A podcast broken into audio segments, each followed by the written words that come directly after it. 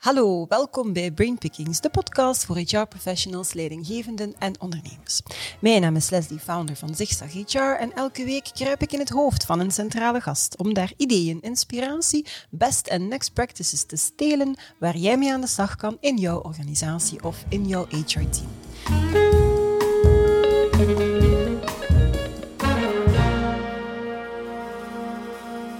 Als HR-professional ben je natuurlijk ook maar best beslagen in sociaal recht en arbeidsrecht. En daarom kruip ik minstens één keer per maand ook in het hoofd van een van de venoten of advocaten van Klaes en Engels, marktleider in België als het gaat om juridische HR-dienstverlening. En vandaag ben ik uh, te gast in het hoofd van Isabel Somville. En we gaan het vandaag hebben over de tweede pensioenpijler, het aanvullend pensioen dus. Vooral over het collectief aanvullend pensioen of de collectieve pensioentoezegging en de impact van de huidige pandemie op dat aanvullend pensioen. Dag Isabel. Goedemiddag. Alles goed met jou? Super blij om hier te zijn. Ja, en het is vrijdag. Het is altijd een fijn eh, vooruitzicht om naar het weekend te gaan. En ik heb begrepen dat de zaterdag jouw absolute favoriete dag is. Dus, eh, Absoluut, uh, zeker. Moois om naar Met wat zon erbij, ja, perfect. Kan niet meer stuk. Oké. Ehm, misschien moeten we, Isabel, eerst eventjes starten gewoon uh, met het kader. We hebben het over de tweede pensioenpijler in België. Er zijn er meerdere, vier eigenlijk zelfs zes. Um, kan je misschien eerst eens toelichten of, of het landschap van de pensioenen overvliegen en hoe die verschillende pensioenpijlers opgebouwd worden. Zeker.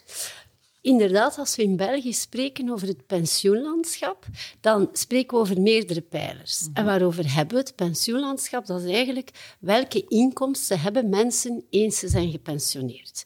En uiteraard, eerste pijler, voor heel wat mensen de belangrijkste pijler, jammer genoeg voor sommigen de enige pijler, dat is mhm. het wettelijk pensioen.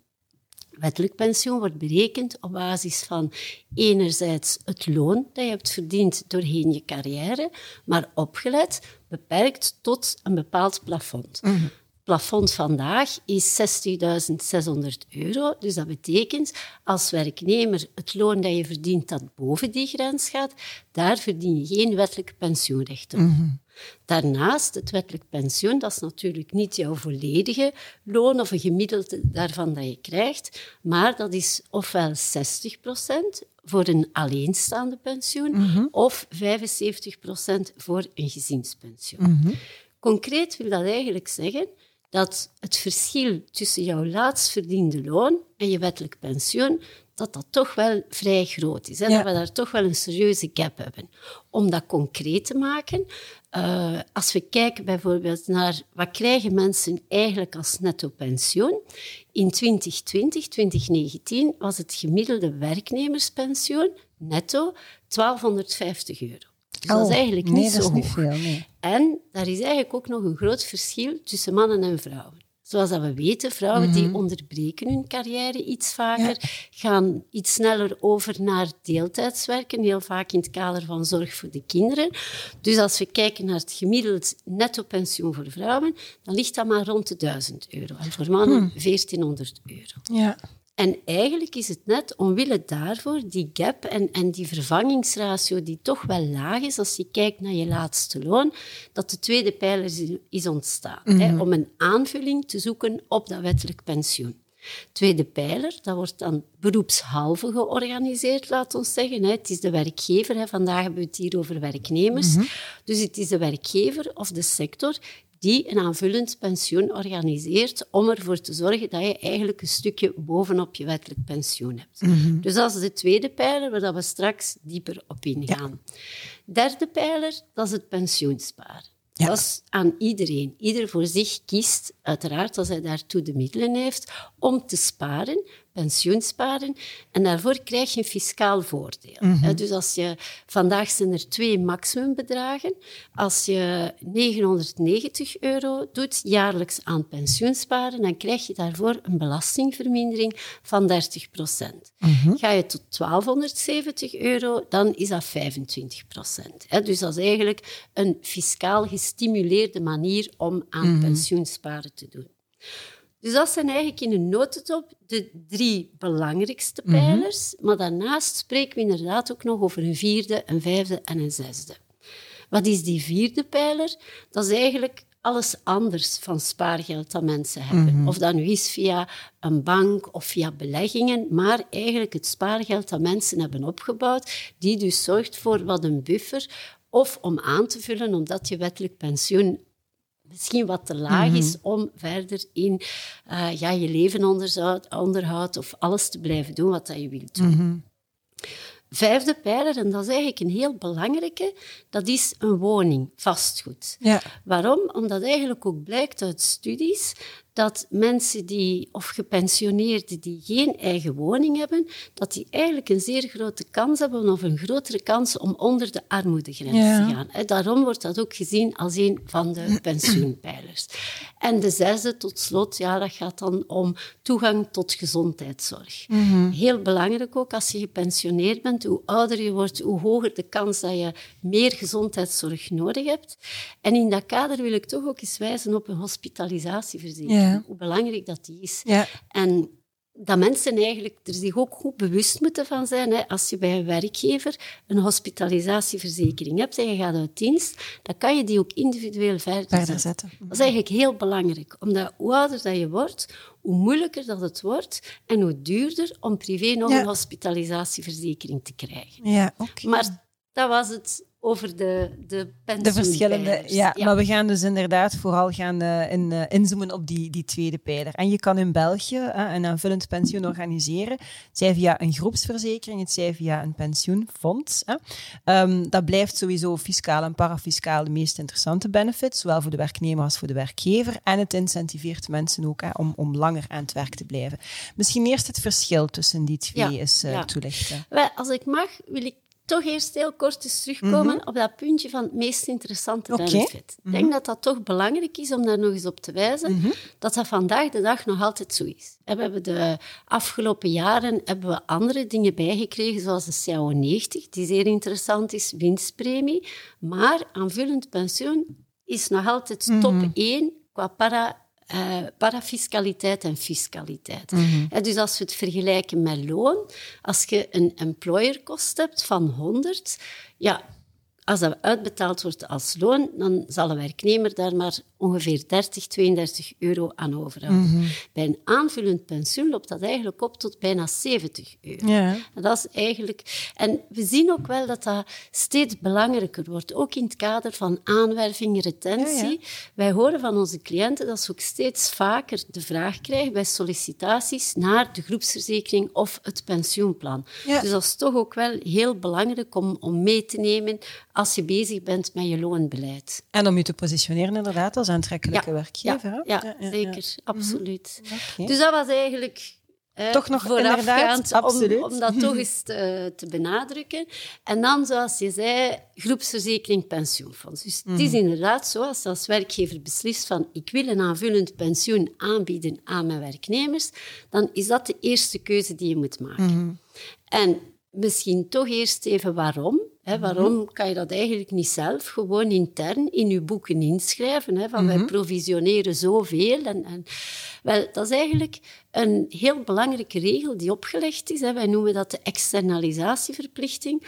Om er zeker van te zijn dat die opgebouwde pensioenrechten, hè, want die aanvullende pensioenen spreken we altijd over een lange horizon. Mhm. Stel dat je uh, eh, 30 jaar in dienst bent bij een werkgever en je, je bouwt 30 jaar rechten op, hè, dan loopt dat toch al een beetje op. Ja, en dat die pensioenrechten niet zouden onderworpen zijn aan het ondernemingsrisico. Wat bedoel ik daarmee? Gaat de werkgever failliet, dat het niet zo is dat al die pensioenrechten verloren gaan. Mhm. En dat is heel belangrijk, want we hebben in die geschiedenis ook gezien dat dat, dat, dat wel kan gebeuren. Het belangrijkste uh, voorbeeld dat we hebben gezien was in 2001. Dat was bij Enron, de Amerikaanse energiereus, mhm. die failliet ging. En effectief, de pensioenrechten, daar was ook een vorm van een aanvullend pensioen, van alle werknemers zijn daar verloren te gaan. Wat toch wel zeer zuur of bitter is. Dus dat is eigenlijk waarom onze wetgever heeft gezegd, mhm. nee, als werkgever, je mag dat niet zelf organiseren. Je moet kiezen een pensioenfonds of een groepsverzekering. Ja. Mhm. Nu, waarom kies je het ene of het andere? Mm Er zijn een aantal elementen. En om te beginnen zal dat toch wel te maken hebben met omvang, grootte. Hoeveel over hoeveel werknemers gaat het. Wij spreken altijd over een kritische massa, hè, dat je toch minstens een aantal werknemers moet hebben die in dat pensioenplan zitten, uh, om het interessant te maken om een pensioenfonds op te richten. En dan, ja, natuurlijk ga je dan vragen, wat is dat aantal? Mm Dat is heel moeilijk om, dat om daar een cijfer op te plakken, maar het gaat al toch wel om een paar honderd werknemers. hè? Als je als KMO 20, 50 mhm. werknemers heeft, dan zal een pensioenfonds geen interessante optie mhm. zijn. Heeft u 300, 500 of meer werknemers, dan wordt dat wel al een interessant alternatief om te overwegen. Nu, andere elementen, dat is ook ehm, ja, een beetje de specifieke situatie binnen de onderneming. Zijn er eigenlijk voldoende personeelsleden of de juiste personeelsleden om dat wat op te volgen? Mm Hebben we daar de juiste profielen voor? Omdat een pensioenfonds, wat is dat eigenlijk? Dat is een aparte juridische entiteit die je opricht, maar waarvoor je natuurlijk ook moet instaan van het beheer. Ja. Operationeel beheer, dat betekent die pensioenrechten dat bijhouden in een databank, berekeningen maken, maar ook de uitbetalingen doen. Als mensen met pensioen gaan, mhm. pensioenkapitaal of een rente uitbetalen. Nu, de meeste Belgische pensioenfondsen besteden dat uit. We hebben op de markt een aantal heel uh, gespecialiseerde providers, hè, benefit consultants, pensioenadministratoren. Dus op zich is nu niet dat je daar intern iemand voor nodig hebt om dat zelf te organiseren, mhm. maar minstens wel de opvolging daarvan. Ja, ja. Daarnaast heb je in een pensioenfonds ook vermogensbeheer. Hè, dat Die bijdragen worden gestort in dat pensioenplan. Die zullen pas uitbetaald moeten worden vele jaren later. En ondertussen wordt dat ook belegd om daar natuurlijk rendement in te mhm. halen. En het rendement zal doorgaan, zoals dat zien we toch in de afgelopen geschiedenis, ook wel hoger zijn bij een pensioenfonds dan dat je kan halen bij een groepsverzekering. Maar dat betekent dat je zelf moet beslissen over je beleggingsbeleid. Mhm. Dus dat je toch wel iemand in huis zal moeten hebben binnen je onderneming die een beetje een financieel profiel heeft. Daarnaast heb je ook je hebt, uh, een raad van bestuur, je hebt een algemene vergadering. Hè, dus er zullen een aantal mensen nodig zijn om die mandaten mhm. in te vullen. Dus kort samengevat, om een pensioenfonds op te richten, heb je toch wel één of meerdere personeelsleden nodig met een minimale kennis qua profiel, een beetje financieel en ook hoe zit het met dat pensioenrecht, uh, die daar ook een stukje van zijn tijd mag gaan besteden binnen zijn functie. Mhm. Zeg je als werkgever, goh, dat is eigenlijk niet voor ons. Wij, wij zien dat niet, of dat, dat behoort niet tot mhm. onze core business. Uh, we zouden liefst minder zelf doen van dat beheer. Dan is een groepsverzekering de ideale oplossing. Ja. Eigenlijk moet je dat een beetje zien als een soort all-in formule. Mhm. Je betaalt een premie aan de verzekeraar, hè, natuurlijk ook een stukje een beheerskost, en die doet eigenlijk alles voor jou. dus dat administratief beheer van die rechten bijhouden, uitbetalingen, maar ook beleggingen, hè, daar mm zal je niet mee bezig zijn. Hè, je zal dan een rendement krijgen. Nu, dat is natuurlijk een stukje een moeilijkheid de laatste jaren, dat rendement dat je van de verzekeraar nog krijgt. En dat is een van de redenen waarom bepaalde werkgevers, grotere bijvoorbeeld, mhm. die wel altijd gewerkt hebben met groepsverzekeringen, die nu twijfelen. En zeggen van, hm, zouden we toch niet beter in een pensioenfonds zitten of dat starten? Omdat bij een verzekeraar, de dag van vandaag, hè, uh, bij groepsverzekeringen kan je met twee formules werken. Hè. Ofwel is dat een tak 21 mhm. product en dat is met een gegarandeerde interestvoet. Ja. Vandaag de dag ligt die gegarandeerde interestvoet... Zo hoog. Hmm. om niet te zeggen bedroevend laag. Uh, Uiteraard is dat ook hun fout mm. Dat heeft te maken met een lage renteomgeving op de financiële markten en mhm. hoge solvabiliteitsvereisten uh, die zij hebben. Maar ja, als werkgever zou je tussen de 0% en halve procent nog krijgen. Terwijl de wet legt op dat je als werkgever bijdrage die je stort in een mhm. pensioenplan, als het om zo een vaste bijdrageplan gaat, dat je daar een minimumrendement moet garanderen, en dat is 1,75 procent. Mhm. Dus het verschil tussen die 0 of die halve procent en die 1,75 procent, dat is eigenlijk een potentiële meerkost waar je rekening moet mee houden. Nu, het is wel zo dat zeker de grote verzekeringen die groepsverzekeringen aanbieden, die hebben in de afgelopen jaren via de winstdeling zijn die toch meestal tot die 1,75 kunnen gaan of in de buurt. Maar dat is natuurlijk geen garantie voor de toekomst en dat is ook niet alle verzekeraars. Dus dat is zeker een puntje om mee te nemen. Als je binnen de onderneming bezig bent met blijven bij onze groepsverzekering, zou pensioenfonds interessant zijn, dan moet je zeker even kijken naar het rendement en in welke formule zit je vandaag. Oké. Ehm, dat was die, die tak 21, zei je. Wat, is dan de, de andere optie? De andere optie is een tak 23. Mhm. En dat is eigenlijk een verzekering die gekoppeld is aan beleggingsfondsen. Ja. Dat betekent dat je eigenlijk doorgaans daar een veel hoger rendement zal halen, zelfs doorgaans boven de 1,75 procent, mhm. maar je hebt geen garantie. Dus dat kan ook? Ja, dus dat kan even goed min 10 zijn. Ja.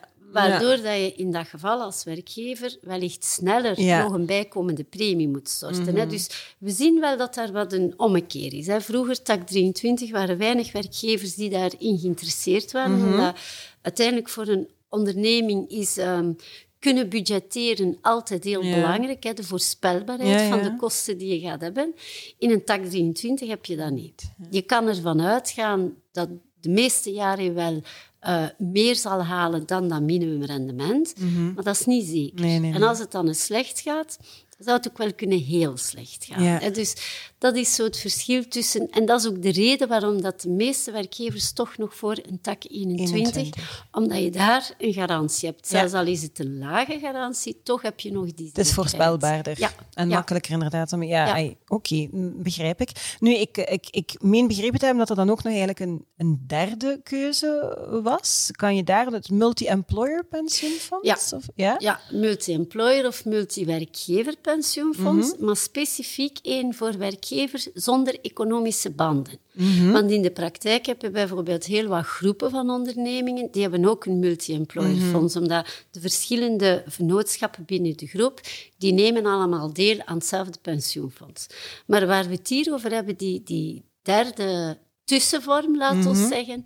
Dat is eigenlijk um, ja, dat is een pensioenfonds. Dat is ingericht, hè, dat is ongeveer een 10 tot 15 jaar geleden zijn de eerste eigenlijk opgedoken of opgericht.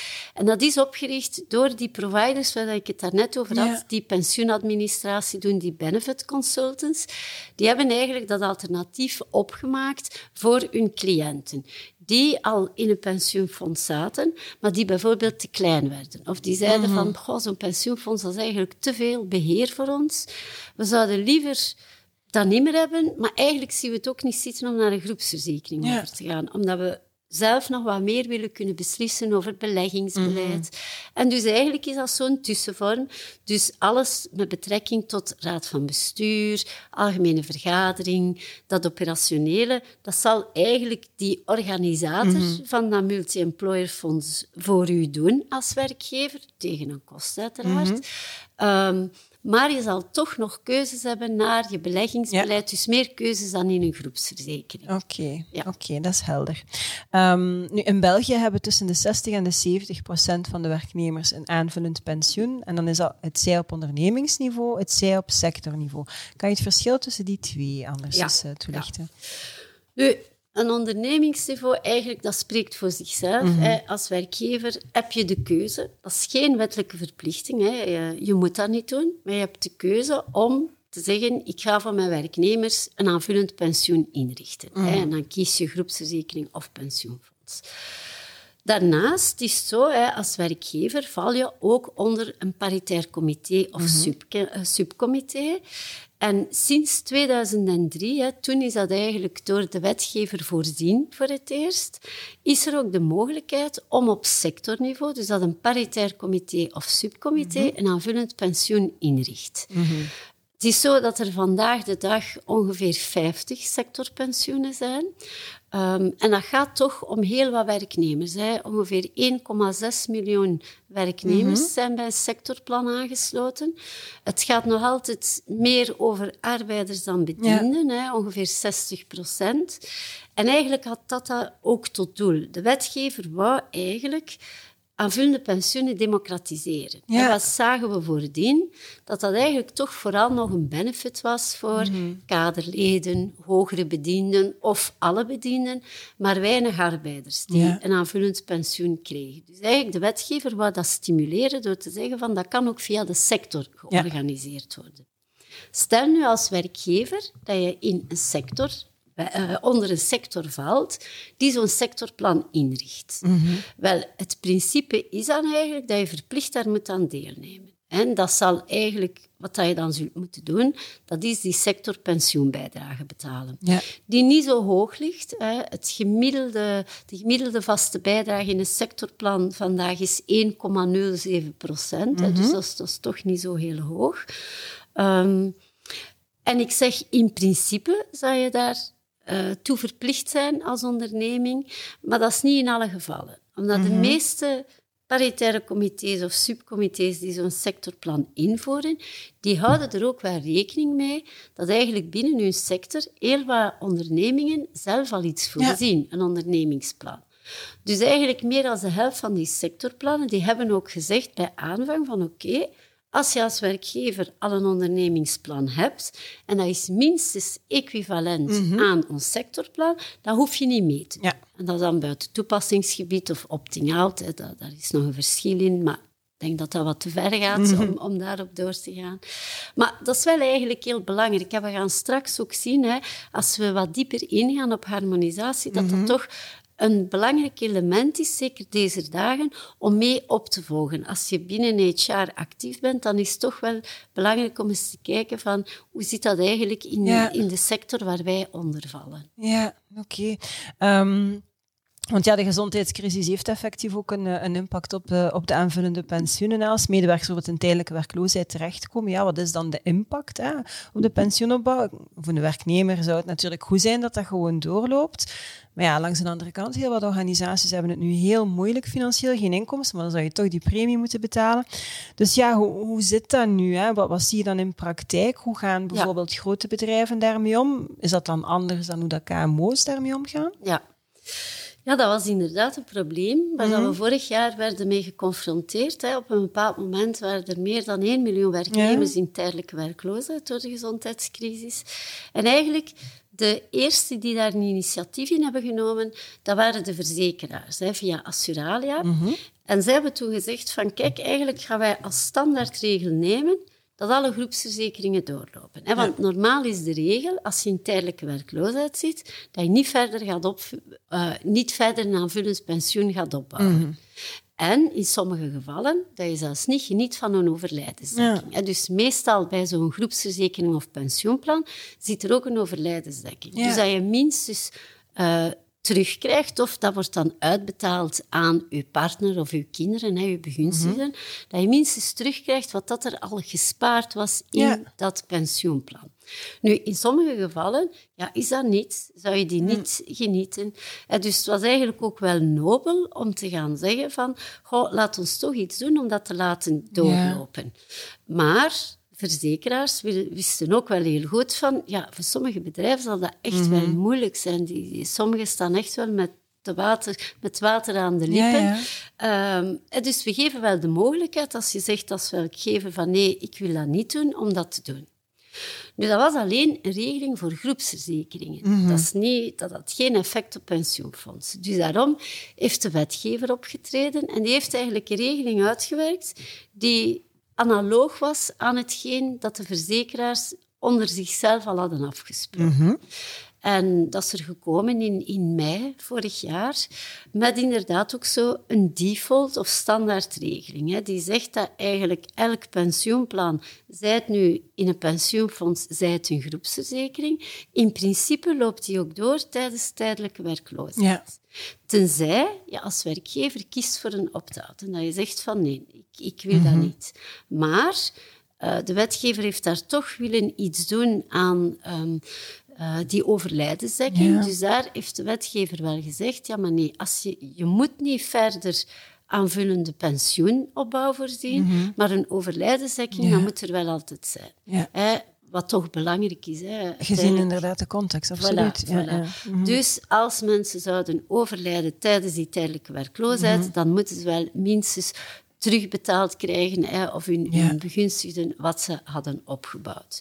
Nu, daar is ook een regeling voorzien rond uitstel, hè, dus dat bedrijven niet onmiddellijk moeten Mhm. betalen. Hè, want ja, dat is natuurlijk de keerzijde. Het is heel nobel naar de werknemers toe om te zorgen Mhm. dat zij toch pensioenopbouw hebben. Maar langs de andere kant, als er Ja. pensioenopbouw is, moet die ook betaald worden voor bedrijven die het al moeilijk hebben. En daar was ook een regeling rond uitstel. Nu, initieel was dat een wet die liep tot 30 september Mhm. vorig jaar. Dat is dan uiteindelijk verlengd tot 31 maart en dat is nu nog eens verlengd tot 30 juni. Ja. Maar het is wel belangrijk ook voor de mensen actief in HR om daar oog voor te hebben Ja. van is dat bij ons allemaal oké? Hebben wij dat correct geregeld? Ja. En, en dat zeker op de radar te hebben. Ja, absoluut. Zeer zinvol om dat nog eens eh, onder de aandacht te brengen. Nu, het, het is sowieso, je had er net ook al naar verwezen, als HR-professional gewoon belangrijk om te weten wel de actualiteit gewoon te volgen en te kijken, want de pensioenen komen toch vrij frequent in, in de actualiteit. En recent bijvoorbeeld was er nog wat commotie naar aanleiding van het rapport van Trekenhoff dat echt vernietigend is, is het woord dat gebruikt, vernietigend was over eh, aanvullende pensioenen. En de maatregel, zo klinkt het, komt enkel de grootverdieners eh, ten goede en is dus onvoldoende gespreid. En eh, het zou dan beter zijn om meer mensen toegang te geven tot dat aanvullend pensioen. En tegelijkertijd verscheen dan in de pers dat minister Lelieu de verhoging van de laagste wettelijke pensioenen zou laten financieren door de houders van een groepsverzekering. Ja. Gaat er nu aan gesleuteld worden aan die aanvullende pensioenen of niet? Wel, eh, het is zo inderdaad dat dat een zeer ongelukkige coïncidentie Mm. was. Enerzijds, zoals dat je zegt, dat, dat rapport van Trekenhoff is vernietigend. Nu natuurlijk, we moeten dat ook in zijn juiste context Mhm. zien. Wat doet het Rekenhof? Dat kijkt van hoe gaan wij als land, hoe gaat België zijn budget beheren? Mhm. En zij hebben eigenlijk gekeken naar wat is nu de doeltreffendheid van al die fiscale voordelen Ja. Waar aanvullende pensioenen van genieten, heeft dat er eigenlijk voor gezorgd dat we naar die democratisering zijn gekomen. Hè? Dat meer mensen van een aanvullend pensioen genieten. Nu, dat is zeker het geval. Meer mensen genieten van een aanvullend pensioen, in het bijzonder door sectorpensioenen, maar van een lager aanvullend pensioen. Hè? Toch een beperkte. Hè? Dus ja, inderdaad, daar heeft men gezegd van het is absoluut onbillijk. Mhm. En op hetzelfde moment, hè, eh, wettelijk pensioen is toch een van de belangrijke sociale elementen in het regeerakkoord. Eh, dat zal opgetrokken worden, of is al opgetrokken tot 1500 euro. Dat kost natuurlijk ook wel. Ja, ja. geld. Hè. Dat is budgetair een, een, heel belangrijke maatregel. En daar had minister van Pensioenen, Lalieu, inderdaad laten verstaan van... Ah, we gaan dat financieren, onder andere door die fiscaliteit van aanvullende pensioenen wat aan te pakken. Waarna er grote paniek was, Ah, ja? uiteraard. Hè. En voor werkgevers is dat ook wel belangrijk. Niet alleen voor zichzelf, maar ook als benefit die je geeft. Nu is een van de belangrijke elementen voor mensen van kijk, op het moment dat dat wordt uitbetaald en je blijft werken tot de wettelijke pensioenleeftijd, dan ga je daar maar 10% aan belastingen op betalen, in plaats van progressief. Dus dat is toch wel een heel belangrijk element. Als men daar zou beginnen aan Ja. sleutelen, ja, dat heeft toch ook wel impact op de werkvloer. Maar gelukkig, binnen de paar uren van dat eerste bericht van minister Lalieu, heeft zij dat onmiddellijk rechtgezet. Oké, Heeft ja, gezegd ja. van dat is verkeerd begrepen, dat is eigenlijk niet de bedoeling. Dus eigenlijk moeten we zo wat gaan kijken van wat staat er nu in het regeerakkoord. En elke minister maakt ook zijn beleidsnota Mhm. op. En als we daar kijken, qua aanvullende pensioenen, dan zien we eigenlijk niet zoveel grote wijzigingen die er staan aan te komen. Mhm. Wat er wel is vermeld, hè, en straks kom ik, ga ik er daar graag dieper nog wat op in, dat is die harmonisatie van aanvullende pensioenen voor arbeiders en bedienden. Ja. Dat is een maatregel die eigenlijk al is genomen in 2014. Tien jaar de tijd voor, maar het regeerakkoord, zowel als de beleidsnota van de minister, zegt nog eens, dit moet tot een goed einde gebracht Ja. worden. Dus een belangrijk punt. En daarnaast denk ik dat het, het belangrijkste punt nog voor eh, HR-professionals is dat daar opnieuw, en dat is niet de eerste keer, de intentie is geformuleerd van eigenlijk zouden wij op termijn willen gaan naar een aanvullend pensioen voor elke werknemer, dat eigenlijk op basis van 3% van het bruto loon. Daarnet heb ik gezegd sectorpensioenen, 1,07 procent. Mhm. Ja. Dus dat betekent dat daar toch wel Een behoorlijke bijpassing. eh, inhaalmanoeuvre Ja. nodig zou zijn. Dus ik denk dat dat belangrijk is om in het achterhoofd te houden. Ja. We verwachten daar zeker geen concrete maatregelen deze legislatuur. En daar is ook gezegd eh, in, in die beleidsnota van... Kijk, we gaan dat eerst bekijken met de sociale partners. Hè. Mhm. Dit is materie die altijd met de sociale partners, hè, de groep van tien, wordt besproken. We gaan dat in kaart brengen, maar we willen daar wel naartoe. Ja. Dus ik denk, als men binnen HR bezig is met zijn rewardpakket, met zijn loonpakket, is het toch belangrijk om dat in het achterhoofd Ja, ja. te houden. Het zal niet nu zijn in de komende twee, drie jaar, maar op termijn mogen we toch verwachten Ja. dat onze regering daar naartoe zal willen gaan. Mhm. En dat het toch naast hè, de win-win vanuit parafiscaliteit en fiscaliteit, dat het ook vanuit dat punt wel eens belangrijk zou kunnen zijn om toch wel al een stukje een verhoging te doen als een van de elementen binnen uw Mhm. Ja. loonbeleid. Oké. Ehm, je kondigde het daarnet ook al een stukje aan. Er is effectief een groot verschil tussen hè, de hoogte van een aanvullend pensioen op sectorniveau en, en op niveau van de onderneming.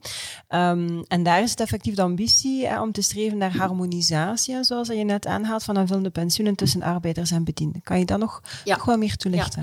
Ja, en eigenlijk is dat... Ik denk van alles dat we hier vandaag bespreken, is dat eigenlijk, denk ik, het belangrijkste punt voor HR-professionals. Dit is iets dat zeker mee op de radar moet Ja. worden genomen. Spits de oren, zou ik zeggen, wie luistert. Waarom? Eigenlijk is dat...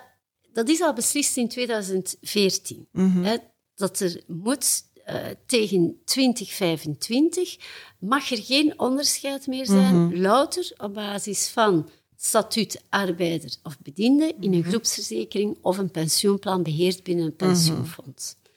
In die tussentijd, die tien jaar, dus van 1 januari 2015 tot 2025, zitten we in een standstilperiode. ja. Dat betekent dat die verschillen niet groter mogen worden gemaakt. Stel bijvoorbeeld, hè, dat, is, dat is een situatie die we heel vaak zien op ondernemingsniveau. De arbeiders die zitten in een sectorplan.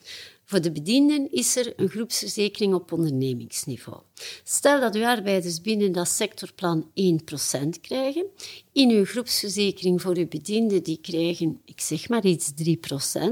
Wel, in die 10 jaar, tussen 2015 en 2025, mag je de groepsverzekering voor uw bedienden niet, omhoog ja. trekken. Ja. Dat, dat kan niet. Het enige wat je nog kan doen, is eigenlijk evolueren naar een gelijkschakeling. Ja. Daarbij is het ook heel belangrijk dat een harmonisatie, en we zien dat, dat, dat binnen veel ondernemingen dat wat verkeerd wordt begrepen, harmonisatie wil niet zeggen een level up. Dat wil niet zeggen dat iedereen moet ehm, het beste pensioenplan krijgen. In mijn voorbeeld 1% sector. En je mag de sector en het ondernemingsniveau optellen. Dat, is, Ja. dat, dat is eigenlijk samen voor de harmonisatie. 1% voor de arbeiders in de sector, 3% in een groepsverzekering voor de bedienden. Dat wil niet zeggen dat vanaf 2025 alle arbeiders ook die 3% moeten krijgen.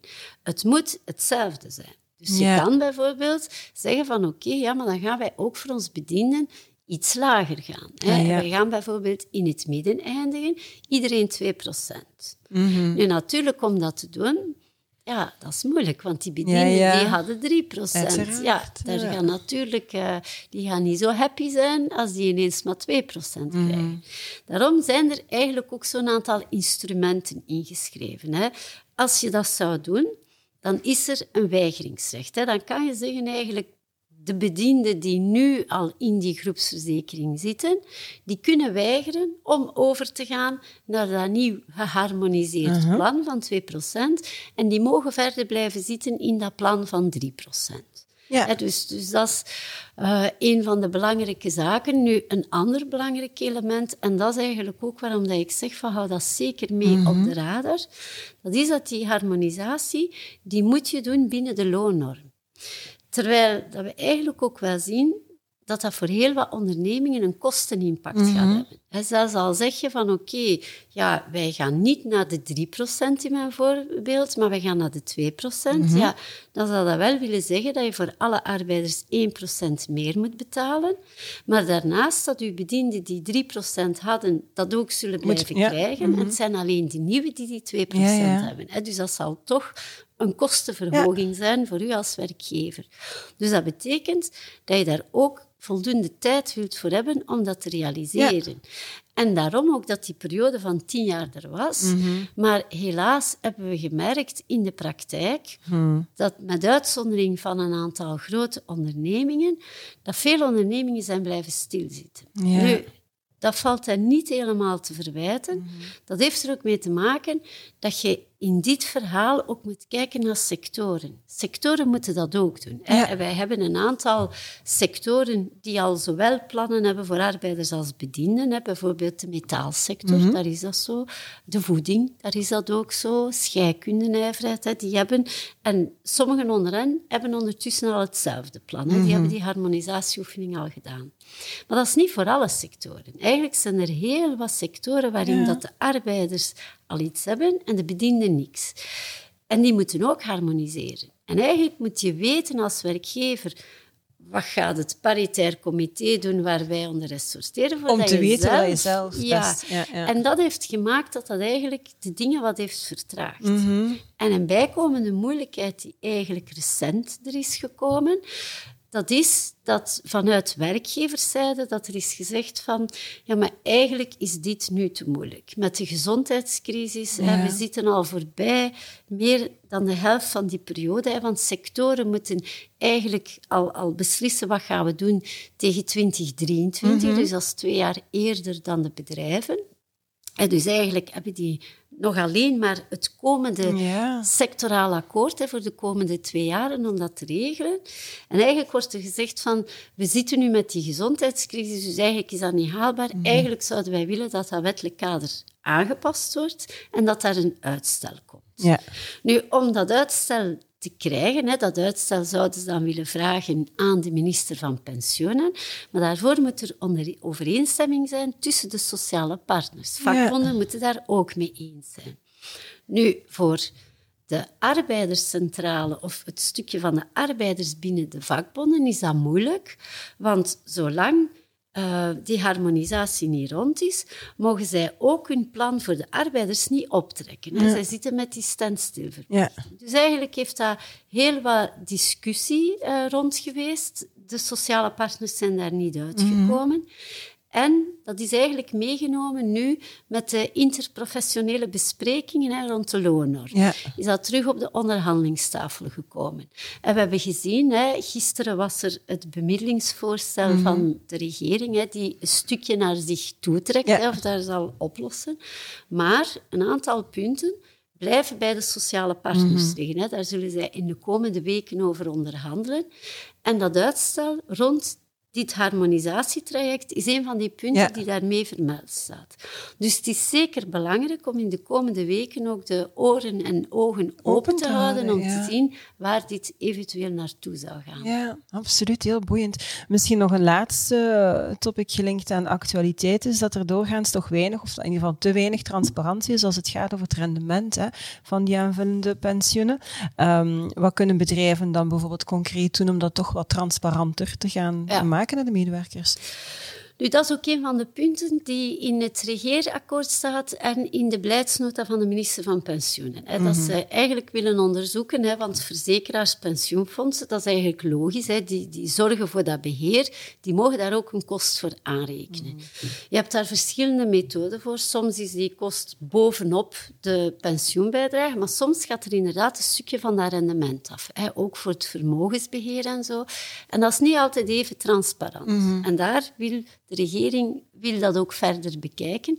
Misschien ook maatregelen opleggen om te zeggen van zo ver kan je gaan. Maar vooral ook van het moet duidelijk zijn voor werknemers. Dat gaat om een belangrijke Ja. benefit. Zij moeten eigenlijk daar ook zicht op hebben.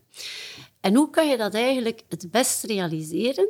Dat is via de jaarlijkse pensioenfiche of het pensioenoverzicht. Dus werknemers die in een groepsverzekering of een pensioenplan zitten, die krijgen elk jaar een overzicht, hè, zolang dat zij nog actief in dienst zijn. Uh, als je niet meer in dienst bent, maar je hebt nog pensioenrechten opgebouwd, soms krijg je dan ook nog zo een pensioenfiche. Of je kan daar gaan kijken op DB2P, My Pension. Ja. Eigenlijk ook een heel belangrijk instrument, ook binnen HR, om mensen, werknemers daarvan, dat te leren of, of te zorgen dat zij dat ook weten. Van daar kan je dat eigenlijk altijd mhm. goed opvolgen. Van, zeker ook als je van uh, als je bij verschillende werkgevers hebt uh, gewerkt, je hebt verschillende potjes opgebouwd, je kan dat allemaal zien op mijn pensje van wat heb ik waar nog mm uh, opgebouwd. Maar dus die pensioenfiche die je jaarlijks moet geven, en daar staat op van hoeveel rechten heb je opgebouwd, uh, wat zal het pensioen zijn, het pensioenkapitaal of de rente die je krijgt op het moment dat je 65 jaar mhm. wordt, hè, of, of met wettelijk pensioen. En het is eigenlijk op die pensioenfiche dat je ook kan zorgen voor wat meer transparantie. Ja.